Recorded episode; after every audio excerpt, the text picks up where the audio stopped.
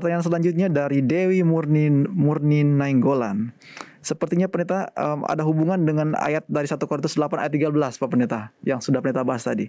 Pertanyaannya, apakah kalau kita membuat batu sandungan pada orang lain itu tidak dosa? Silakan Pak Pendeta. Terima kasih. Istilah batu sandungan ini di dalam Alkitab banyak digunakan dalam berbagai uh, konteks. Karena Injil pun pernah disebut sebagai batu sandungan. Injil itu pekabaran Injil. Contohnya, kita buka di dalam satu Korintus, tar ya. 1 Korintus pasal yang pertama, ayat yang ke 23.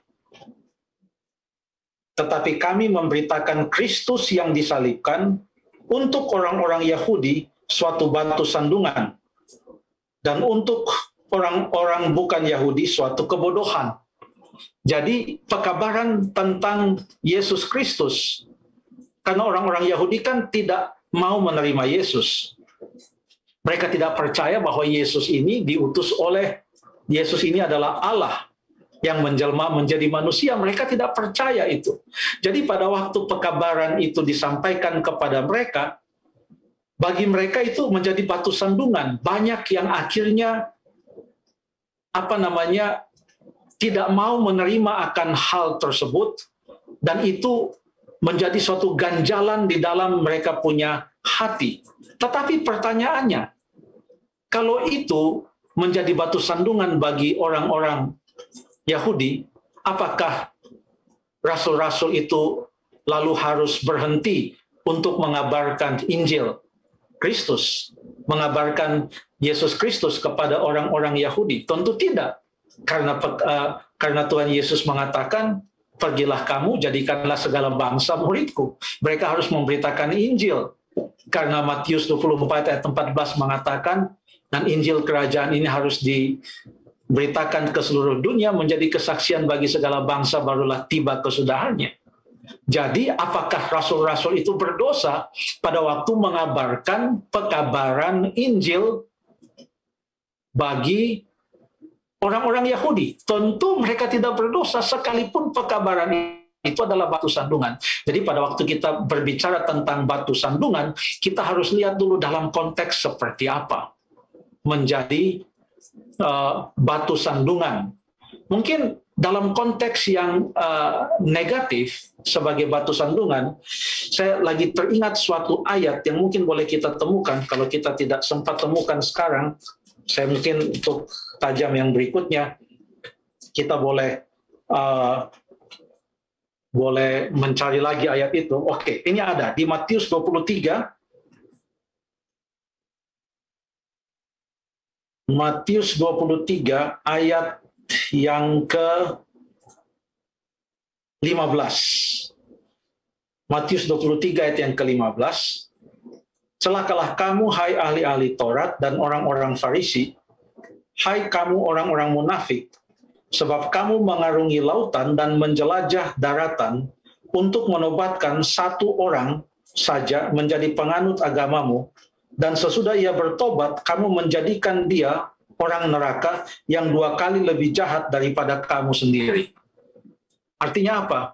Artinya orang-orang ahli-ahli Taurat karena kehidupan mereka yang munafik, setelah mereka menobatkan satu orang menurut ayat ini, kehidupan mereka justru menjadi batu sandungan. Orang yang tadinya bertobat melihat kehidupan mereka bukannya bertambah baik menurut ayat ini, justru dua kali lebih jahat jadinya daripada mereka sendiri.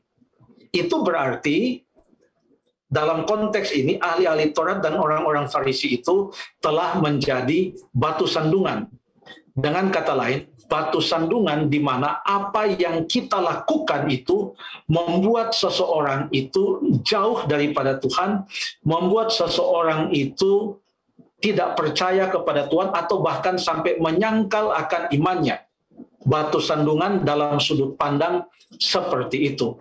Tadi yang kita baca tentang Paulus yang dengan pertolongan Tuhan mengambil keputusan lebih baik ia tidak makan daging lagi daripada memakan daging, lalu ia dituduh sebagai orang yang menyembah berhala, dan dengan demikian membuat orang-orang Yunani yang telah menjadi Kristen akan meninggalkan Kristus karena yang mengabar Injil kepada mereka mereka katakan telah menyembah berhala, maka Paulus mengambil keputusan dia tidak mau untuk makan daging lagi karena dengan melakukan itu dia katakan dia akan menjadi batu sandungan. Mungkin kita tidak akan melihat apakah ini dosa atau tidak dosa. Sebab kalau seseorang melakukan dosa, itu kan pilihan dia. Tetapi sedapat mungkin kita harus bertolong-tolongan di dalam menanggung beban kita. Supaya paling tidak, jangan sampai apa yang kita lakukan, walaupun orang yang melakukan dosa itu menanggung dosanya sendiri, tapi janganlah apa yang kita lakukan justru membuat batu sandungan bagi uh, orang lain.